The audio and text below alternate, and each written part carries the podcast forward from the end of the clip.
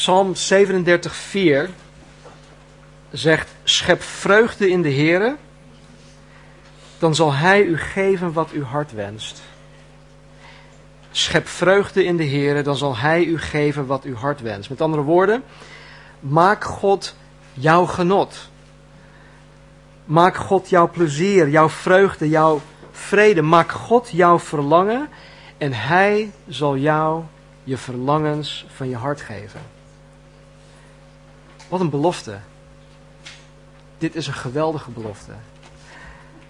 En het is een belofte die God elke dag weer waarmaakt in degene die vreugde scheppen in Hem.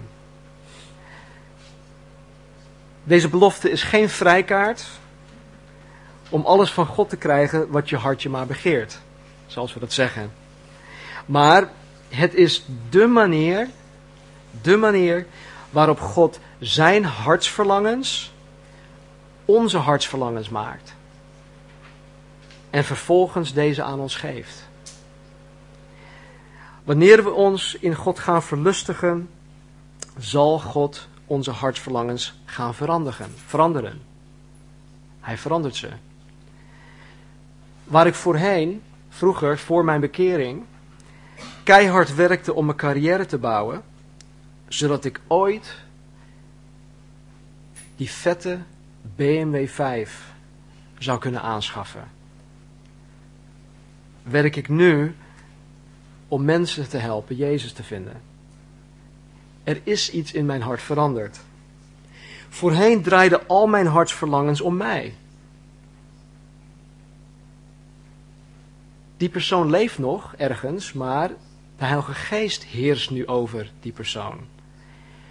En Gods Geest verandert mijn hart, zodat het meer naar zijn hart gaat lijken. En ook de verlangens. Gods hartsverlangen is om mensen te redden. En dat is nu ook mijn hartsverlangen. Dat mensen tot kennis van de waarheid komen en Jezus Christus leren kennen. God heeft mijn verlangens in één lijn geplaatst met zijn verlangens. En God staat als het ware te popelen om deze verlangens aan mij te geven. God wil zo graag onze hartsverlangens volbrengen. Hij wil ons zo graag zegenen. En het is niet op, op basis van hoe goed ik presteer. God zegent mij omdat Hij genadig is. En dat wil Hij. En Hij wil het heel graag. Hij wil onze hartsverlangens aan ons geven. Schep vreugde in de Heer, dan zal Hij u geven wat uw hart wenst. Nou, de apostel Paulus had zo zijn hartsverlangens. En één zo'n verlangen van Paulus was om ooit een keer naar Rome toe te gaan, om daar het evangelie te kunnen verkondigen en daar ook de kerk te gaan dienen. Dat was zijn, een van zijn grote verlangens. Tijdens zijn derde zendingsreis schreef hij de brief aan de Corinthiërs. Of sorry, aan de Romeinen. En aan het begin van de brief, in Romeinen 1, vers 10 tot 15, schreef Paulus dit. En dit is uit de Grootnieuwsvertaling. Steeds bid ik dat God mij nog eens in de gelegenheid wil stellen u te bezoeken. Want ik brand van verlangen u te ontmoeten.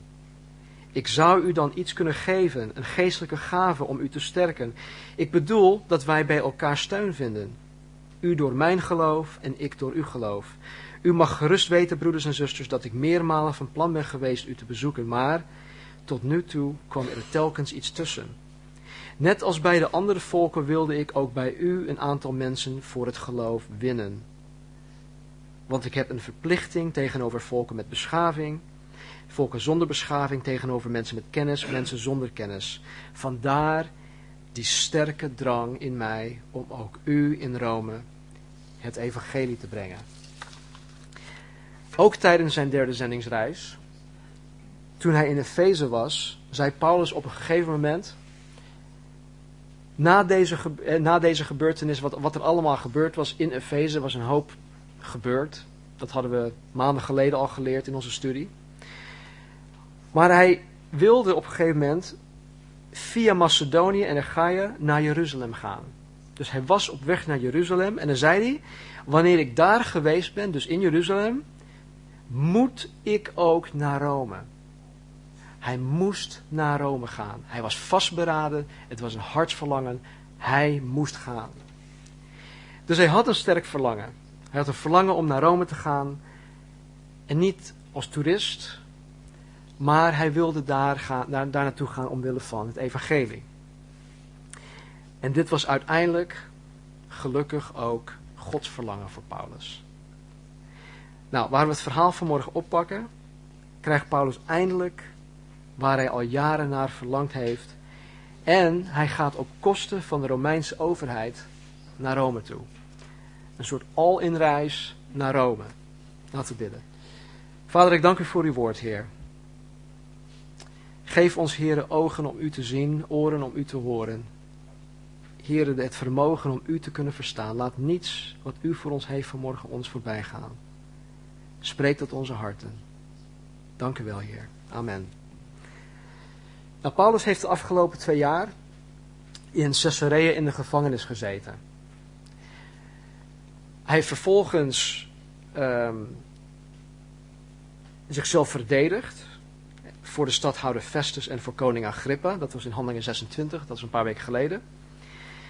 En hij vertelde aan de koning en aan allen die daar aanwezig waren dat Jezus hem had ontmoet en dat hij hem had geroepen om bij hem in dienst te treden. Hij mocht zijn getuigenis geven. Dat werd ook gezegd, dat hij zal getuigen voor koningen, voor stadshouders en dergelijke.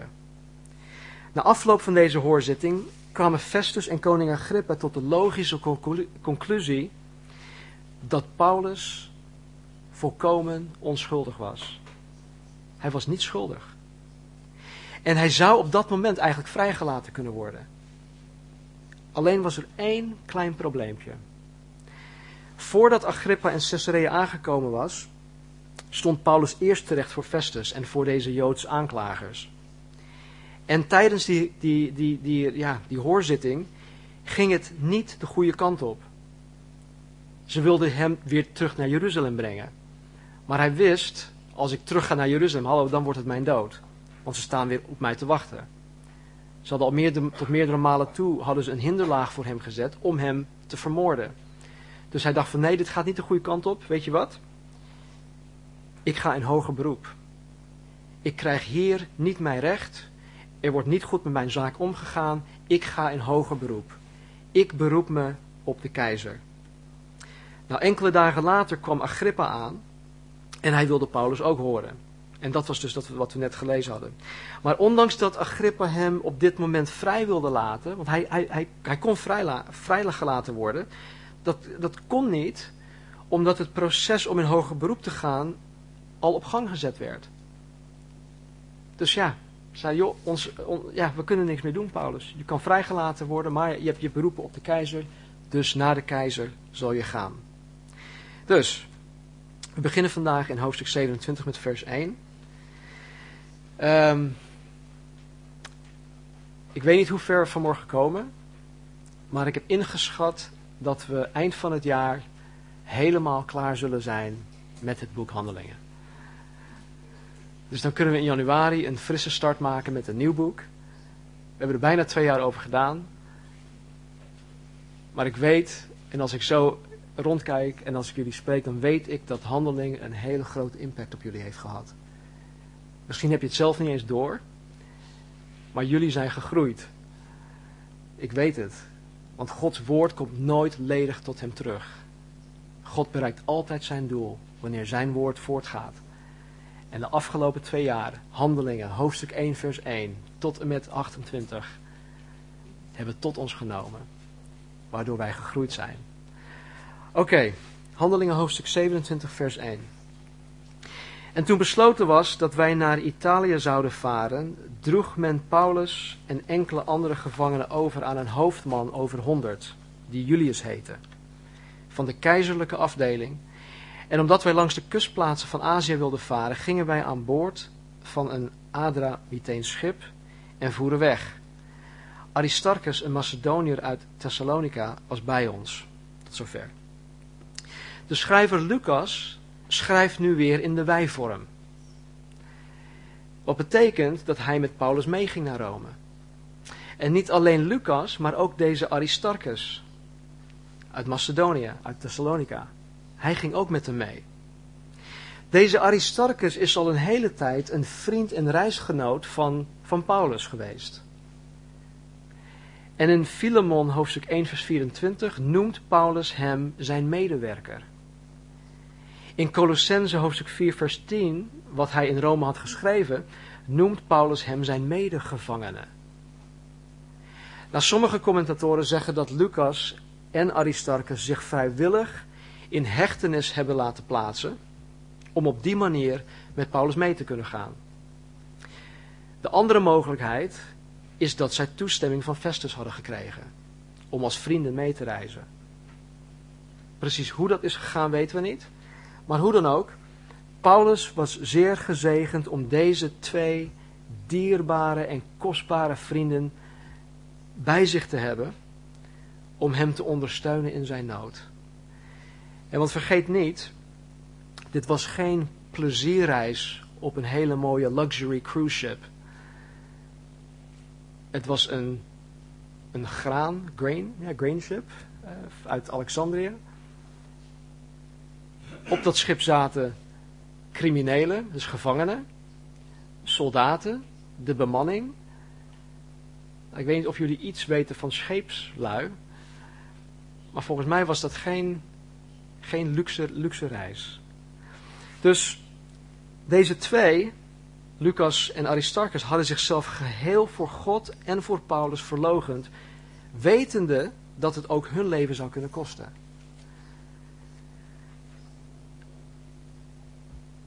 Als ik hieraan denk, en wat deze twee voor Paulus hebben gedaan, dan moet het voor Paulus echt een gigantisch voorrecht zijn geweest. Om met mensen van dat kaliber samen de Here te mogen dienen. Mensen die echt hun leven voor een ander neerleggen. Mogen wij dat soort mensen zijn? Mogen wij dat soort mensen gaan worden? Er gingen ook enkele andere gevangenen mee naar Rome. En het woord andere hier betekent hier dat, dat zij van een andere klasse waren of van een andere soort. In tegenstelling tot Paulus waren deze wel schuldig verklaard. Er zaten vast wel zware criminelen tussen. En het is mogelijk dat zij naar Rome gebracht werden om daar in de arena geëxecuteerd te worden.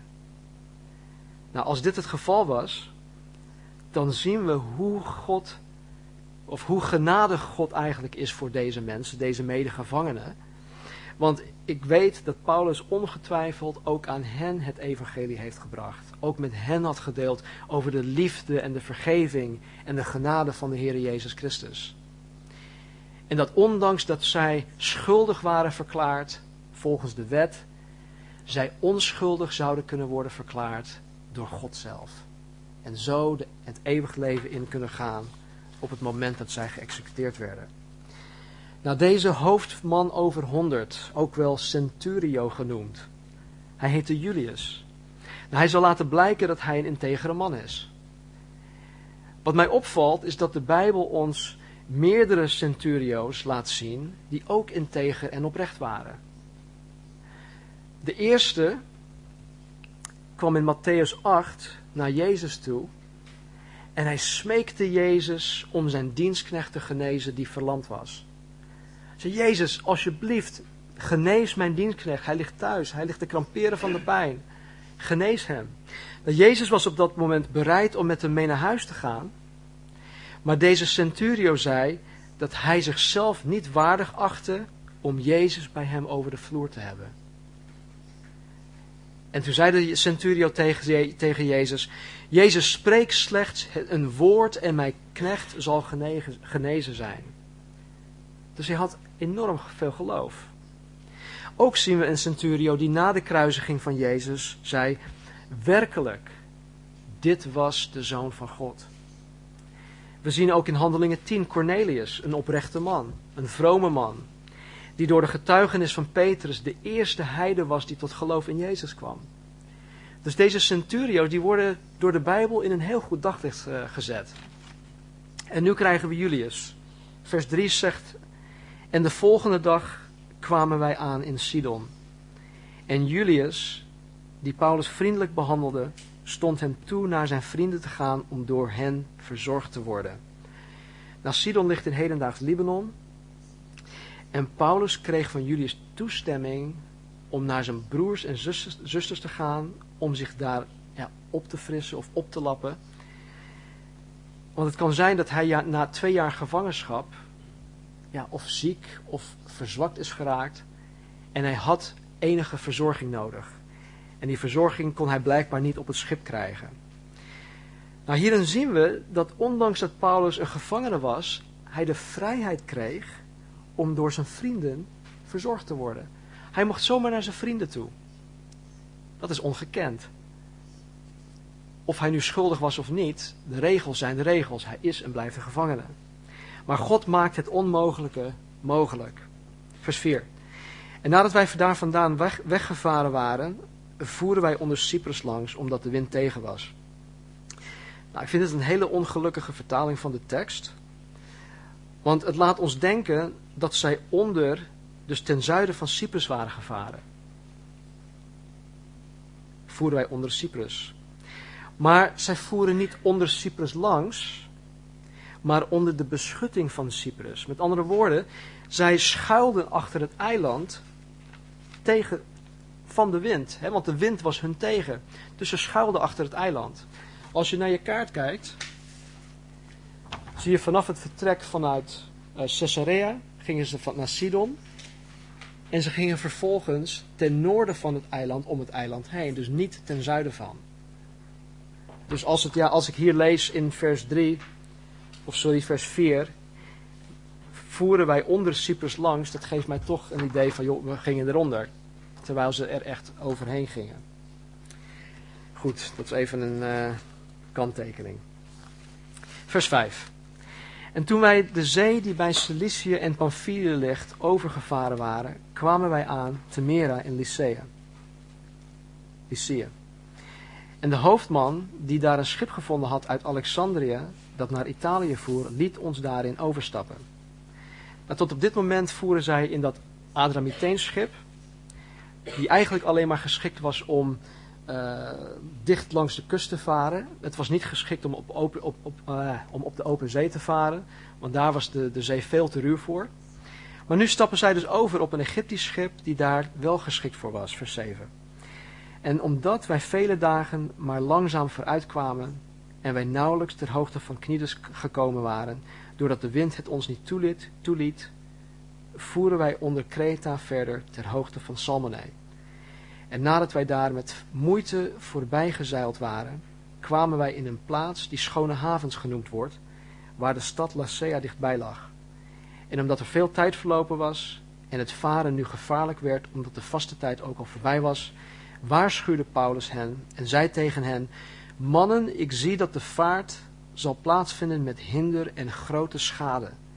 Niet alleen wat de lading en het schip, maar ook wat ons leven betreft. Lucas zegt in vers 9 dat het varen nu gevaarlijk werd omdat de vaste tijd ook al voorbij was. Nou, de vaste tijd heeft te maken met de grote verzoendag, hè, Yom Kippur. Deze valt meestal in eind september tot medio oktober ongeveer. Dat wisselt van jaar tot jaar. De meest gevaarlijke periode om te varen lag tussen medio september en medio november.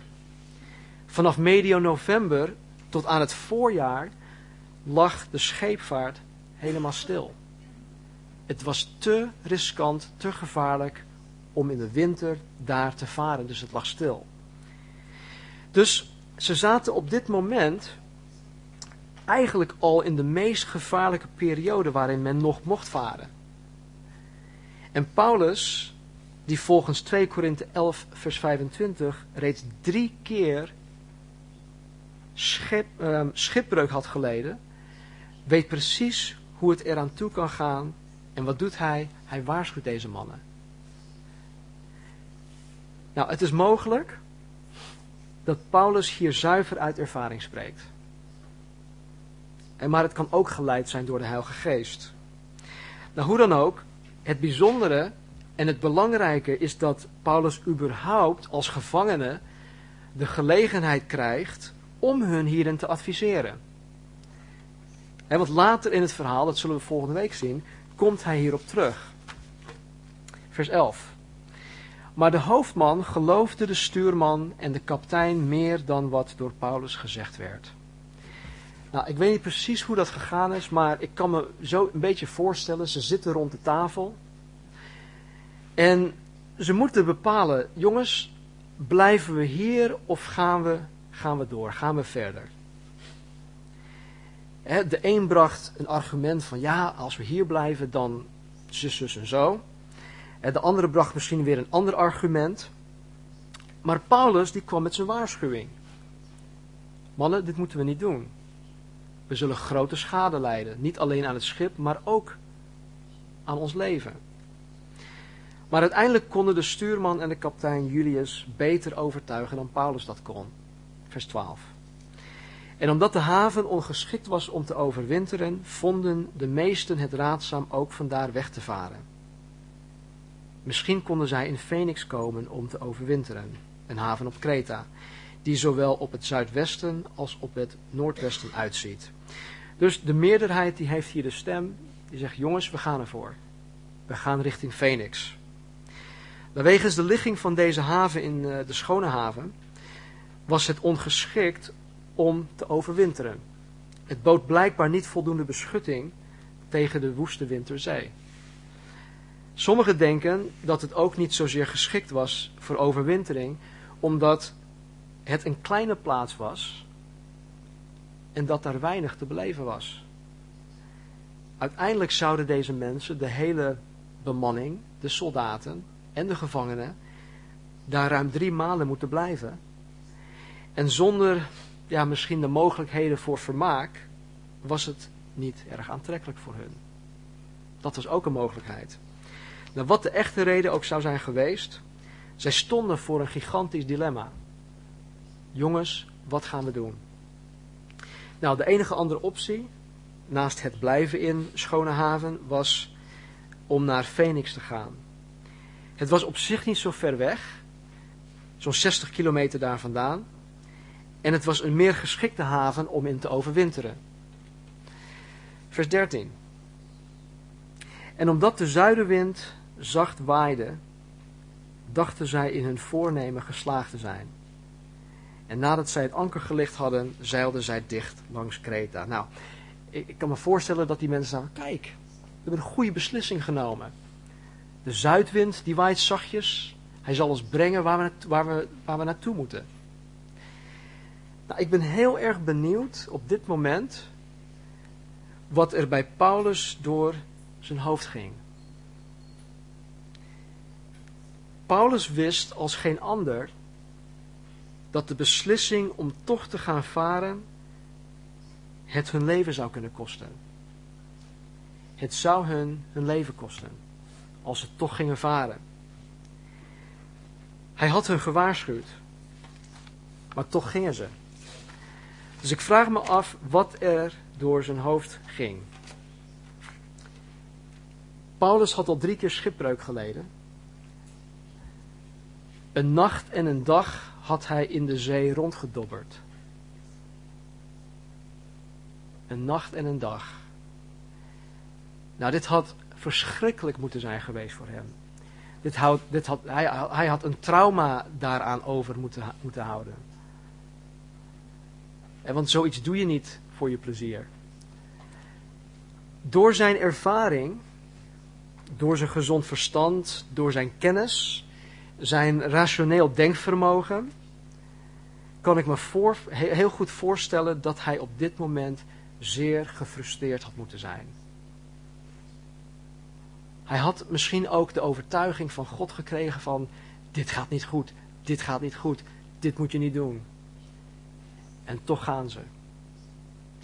Alles wijsde naar een gigantische ramp. Maar, dit is heel belangrijk. Alles wijst naar een gigantische ramp. Maar, toen hij nog in Jeruzalem was, kwam de Heere bij hem en Jezus zei dat Paulus in Rome moest getuigen. Hier hebben wij in mijn optiek een klassiek voorbeeld van het grote spanningsveld tussen de omstandigheden waarin wij verkeren, enerzijds, en het geloven in de belofte van God, anderzijds. Vaak zit daar een heel groot spanningsveld tussen, tussen die twee dingen. In Jeruzalem zei Jezus tot Paulus: Paulus, heb goede moed. Want zoals u in Jeruzalem van mij getuigd hebt, zo moet u ook in Rome getuigen. Jezus heeft gezegd dat Paulus naar Rome zou gaan. Punt uit. Maar toch zien de omstandigheden er heel anders uit. Hoe kan je dat verenigen? In Lucas 8, vers 22 is nog zo'n mooi voorbeeld hiervan. Ik zal het voorlezen. Het gebeurde op een van die dagen dat Jezus met zijn discipelen aan boord van een schip ging. En hij zei tegen zijn discipelen: Laten wij overvaren naar de overkant van het meer. En ze staken van wal. Toen zij voeren, viel Jezus in slaap.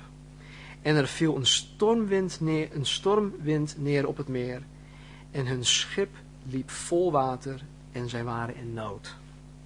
Ze gingen naar Jezus toe, wekten hem en zeiden: Meester, meester, wij vergaan. Toen stond Jezus op, bestrafte de wind en de golven. De wind en de golven gingen liggen en er kwam stilte. En Jezus zei tegen hen: Waar is uw geloof? Waar is uw geloof?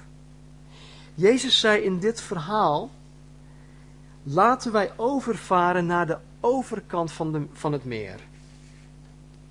Hij zei niet: Jongens, laten we in de boot stappen en laten we zien of wij veilig aan de overkant aankomen. Of laten we zien waar het schip strandt. Nee, hij zei: laten we overvaren naar de overkant van het meer. Punt uit. Jezus heeft gesproken.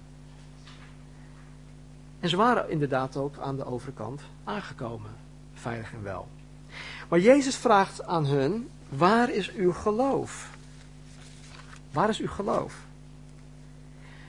Hun geloof werd door de storm op de proef gesteld. Ook Paulus' geloof wordt op dit moment in het verhaal op de proef gesteld. Alles wijst hier naar een gigantische ramp en toch heeft hij Gods woord gekregen dat hij in Rome zou gaan getuigen.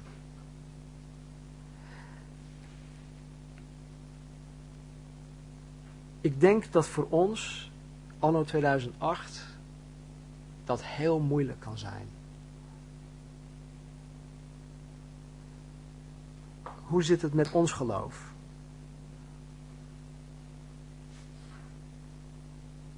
Wat zou Jezus tegen ons zeggen? Waar is je geloof? En hoe zit dat met ons? Misschien zit je op dit moment in een situatie waarin je geloof ontzettend op de proef gesteld wordt.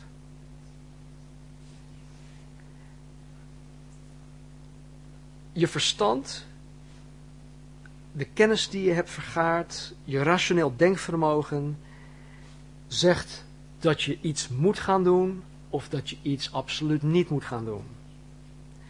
En menselijk gezien ziet de situatie er onmogelijk uit. Maar God heeft jou, u, zijn belofte gegeven. In zijn woord. Misschien heb je zoiets van, welke belofte? Ik heb geen flauw idee waar je het over hebt. Eén belofte om maar te noemen. Jezus zei, ik zal jou nooit verlaten. Ik zal met je zijn tot het einde van dagen. Wanneer de Heilige Geest over je komt, zal je kracht ontvangen om mijn getuige te zijn. Hij is liefde. Alzo heeft God de wereld lief gehad. Hij heeft zijn, zijn enige geboren zoon aan je gegeven. Zodat je eeuwig leven zal hebben. Waar ik naartoe wil, is dit. Als je op dit moment in een situatie zit waar alles wazig is, of alles zegt van nee, dit moet je niet doen, of dit moet je juist wel doen, maar God heeft je iets anders op je hart gelegd, dan is het heel belangrijk om terug te vallen op datgene wat je wel weet. Als je, als je zegt van joh, ik, ik weet het niet meer. Dat kan, dat is heel goed mogelijk. Ik weet het niet meer, Stan. Oké, wat weet je wel? Nou, ik weet dat God van mij houdt. Ik weet dat God mij nooit zal verlaten.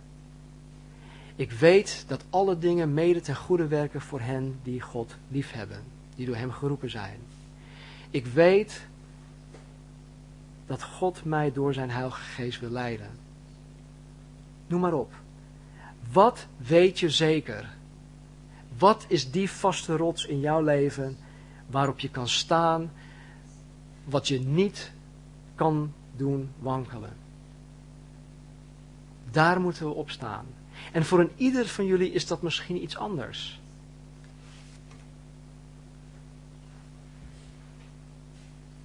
Misschien wijst alles op dit moment in jouw leven naar een gigantische ramp.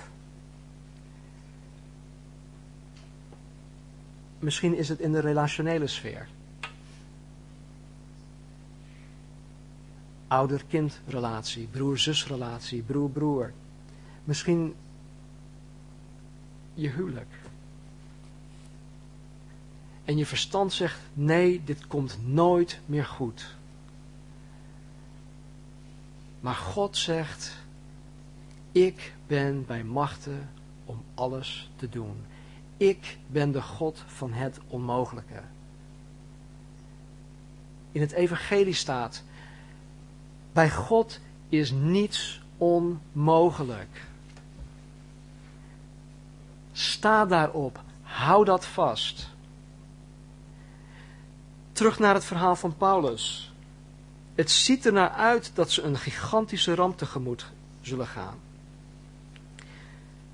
Maar ondanks die ramp weet Paulus diep in zijn hart dat hij voor de keizer komt te staan. En hoe, hoe dat zal gebeuren, even op zijn Nederlands, dat zal hem een worst wezen. Maar voor de keizer zal hij komen te staan. En wat jullie situatie ook zal zijn, God biedt daar een uitkomst voor. Hoe onmogelijk of onwaarschijnlijk een uitkomst voor jou, uw situatie te bedenken is, heeft God en biedt God voor jou de uitkomst, of de uitkomst eigenlijk, die jou aan de overkant van het meer zal brengen. Waar is je geloof? Waarop is het gebaseerd?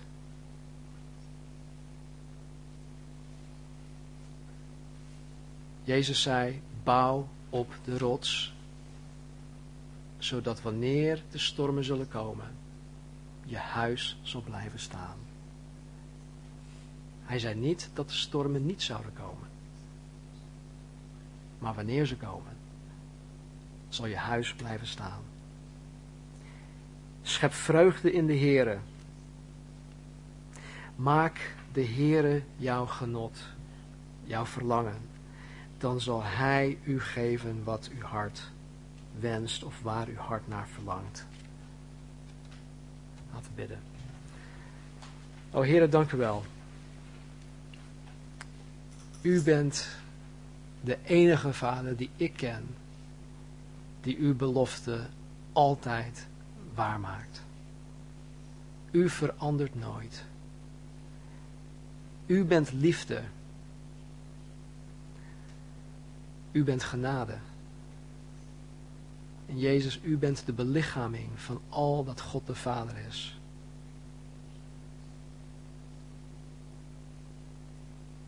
En Heer, ik dank u dat ik u persoonlijk mag kennen. Ik dank u voor degenen die u hier vanmorgen kennen. En Heer, hoe onmogelijk de situatie waarin wij op dit moment verkeren. Heere, u kan ons de uitkomst bieden. En niet alleen een uitkomst, maar de allerbeste uitkomst. Vader, u bent bij machten. U wil het. Heere, u staat te popelen om ons te zegenen. Help ons, Heere, om ons uh, vreugde in u, Heere, te scheppen. Help ons vanmorgen, Vader, om ons genot, ons plezier, ons verlangen in U te leggen, in U te vinden.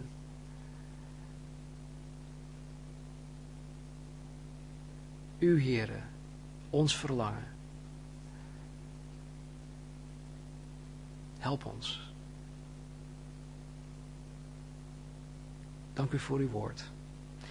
Dank u, Heer, voor het voorbeeld van Paulus. En dank u, Vader, dat u vanmorgen gesproken heeft. Zegen in ieder, Heer. En Heere, laat uw geest en ieder van hen leiden. Vader, voor degene die um, ja, die het echt niet meer zien zitten. Laat hen geen stappen ondernemen, heren, totdat ze het wel weten. Totdat u het hen kenbaar heeft gemaakt. Want heren, om iets te doen terwijl je niet weet wat je moet doen, heren, is ja, recipe for disaster. Dus vader, help, zegen en leid, behoed en bewaar, heren, al onze huwelijken, al onze relaties. En zegen, heren, en ieder van ons als individu en ook gezamenlijk, Vader, als gemeente, plaatselijke gemeente. En als het lichaam van Jezus Christus. In Jezus' naam. Amen. Amen.